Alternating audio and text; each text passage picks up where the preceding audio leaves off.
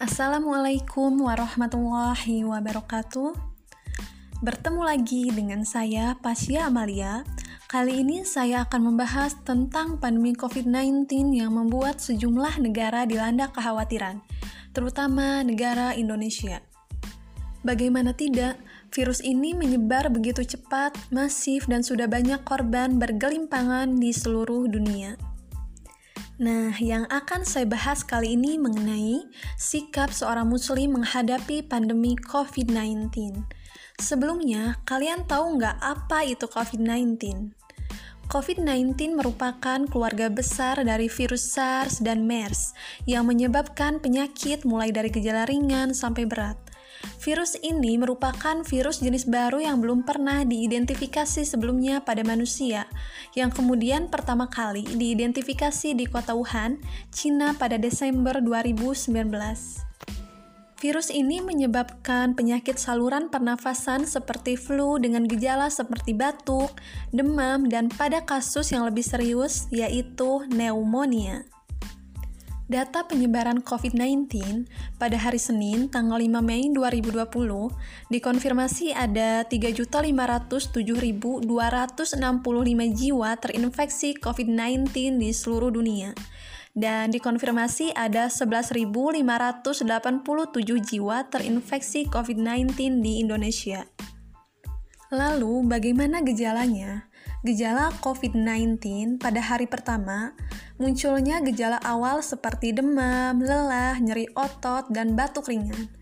Pada hari kelima, gejala semakin parah diiringi dengan sesak nafas yang susah ditahan. Pada hari ketujuh, menjadi waktu umum bagi pasien perlu dibawa ke rumah sakit. Pada hari ke-8, pasien akan mengalami acute respiratory distress syndrome atau sindrom gangguan pernapasan akut. Hari ke-7 sampai hari ke-8 merupakan akhir fase pertama. 85% membaik dan 15% penanganan lanjut. Pada hari ke-10, pasien akan kian memburuk yang kemudian harus masuk ke ICU. Masa kritis menuju sembuh atau pasien akan meninggal dunia. Hari ke-12, reda, redanya gejala pada pasien yang membaik. Dan pada hari ke-17 hingga 21, akhir fase kedua, pasien bisa pulang dari rumah sakit jika dinyatakan sembuh dan 2% meninggal dunia. Kalian jangan khawatir ya, karena virus corona ini dapat kita hindari dengan melakukan cara pencegahan sebagai berikut.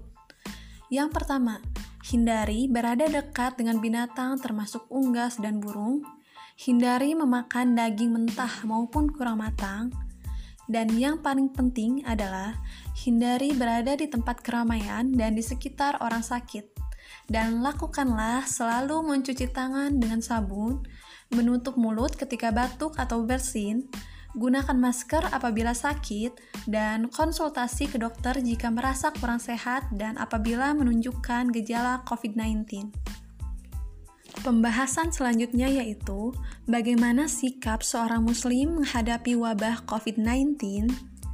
Pada diri seorang muslim ada benteng keimanan yang kokoh, benteng yang akan mampu memantulkan sikap yang benar tatkala menghadapi musibah, yaitu ikhtiar, sabar, dan tawakal. Sadar sepenuhnya bahwa manusia sangatlah lemah tanpa kekuatan dari Allah Subhanahu wa Ta'ala. Allah telah utus makhluk tak kasat mata yaitu virus corona untuk menumbangkan keangkuhan manusia. Allah kirim mereka untuk memberi pelajaran berharga tentang kehidupan, dan itu semua hanya pendahuluan dari ajab Allah yang maha dahsyat. Akankah manusia taat atau tetap ingkar? Jika dengan virus ini tak bisa membuat manusia taat, dengan apa lagi Allah akan menghukum kita? Lalu, bagaimana seorang Muslim bersikap terhadap musibah yang tengah melanda ini? Berikut tiga sifat yang harus dimiliki seorang Muslim dalam menghadapi pandemi COVID-19, dilansir dari islampost.com. Yang pertama, berikhtiar optimal untuk selalu hidup sehat sebagai upaya menghindari wabah yang sedang melanda. Menjaga kebersihan badan dengan selalu menjaga wudhu, mengkonsumsi makanan yang dapat meningkatkan imunitas tubuh, dan berolahraga supaya stamina selalu fit. Sifat yang kedua yang harus dimiliki seorang muslim yaitu berprasangka baik kepada Allah. Seorang mukmin yakin terhadap kode Allah, baik dan buruknya, selalu berhusnujon kepada Allah. Apabila ap apa pun yang terjadi, pasti ada kebaikan di dalamnya, karena Allah amatlah sayang terhadap hambanya. Hidup seorang mukmin itu luar biasa. Jika ia ditimpa musibah, ia bersabar. Jika mendapat kebaikan, kemudian ia bersyukur. Sikap husnujon dan optimis dalam kehidupan akan berdampak bagi kesehatan. Sikap mental yang pesimis bahkan stres menghadapi wabah ini akan merangsang sistem kekebalan tubuh untuk bekerja. Dalam kondisi itu, tubuh akan melepaskan hormon kortisol yang akan menghambat pelepasan histamin dan respon peradangan untuk melawan zat asing. Dengan begitu, tubuh akan rentan terserang penyakit. Sikap yang ketiga yaitu sabar dan tawakal. Sabar menghadapi wabah ini sambil terus memohon ampun kepada Allah atas semua kesalahan dan dosa yang telah kita lakukan.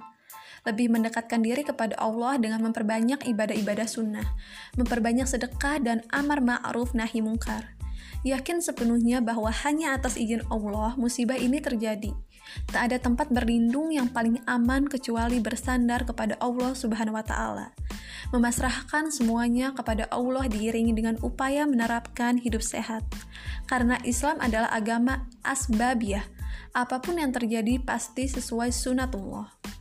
Allah Subhanahu wa taala berfirman dalam Quran surat Al-Baqarah ayat 155 sampai 156 yang artinya dan sungguh akan kami berikan cobaan kepadamu dengan sedikit ketakutan, kelaparan, kekurangan harta, jiwa dan buah-buahan dan berikanlah berita gembira kepada orang-orang yang sabar, yaitu orang-orang yang apabila ditimpa musibah mereka mengucapkan inna lillahi wa inna ilaihi rojiun. Demikianlah seharusnya seorang muslim bersikap, tidak abai dan tidak pula terhadap pandemi ini. Tetap waspada dengan menjaga kebersihan diri dan tak lupa tawakal kepada Allah maka apa pun yang dihadapi dalam kehidupan akan terasa ringan, akan mampu menuai pahala dari sikap yang tepat, mengumpulkan pundi-pundi amal untuk kehidupan kelak yang abadi. Wallahu alam bisawaf. Baiklah, mungkin hanya ini pembahasan yang dapat saya berikan untuk kalian semua. Semoga pembahasan ini dapat bermanfaat. Wassalamualaikum warahmatullahi wabarakatuh.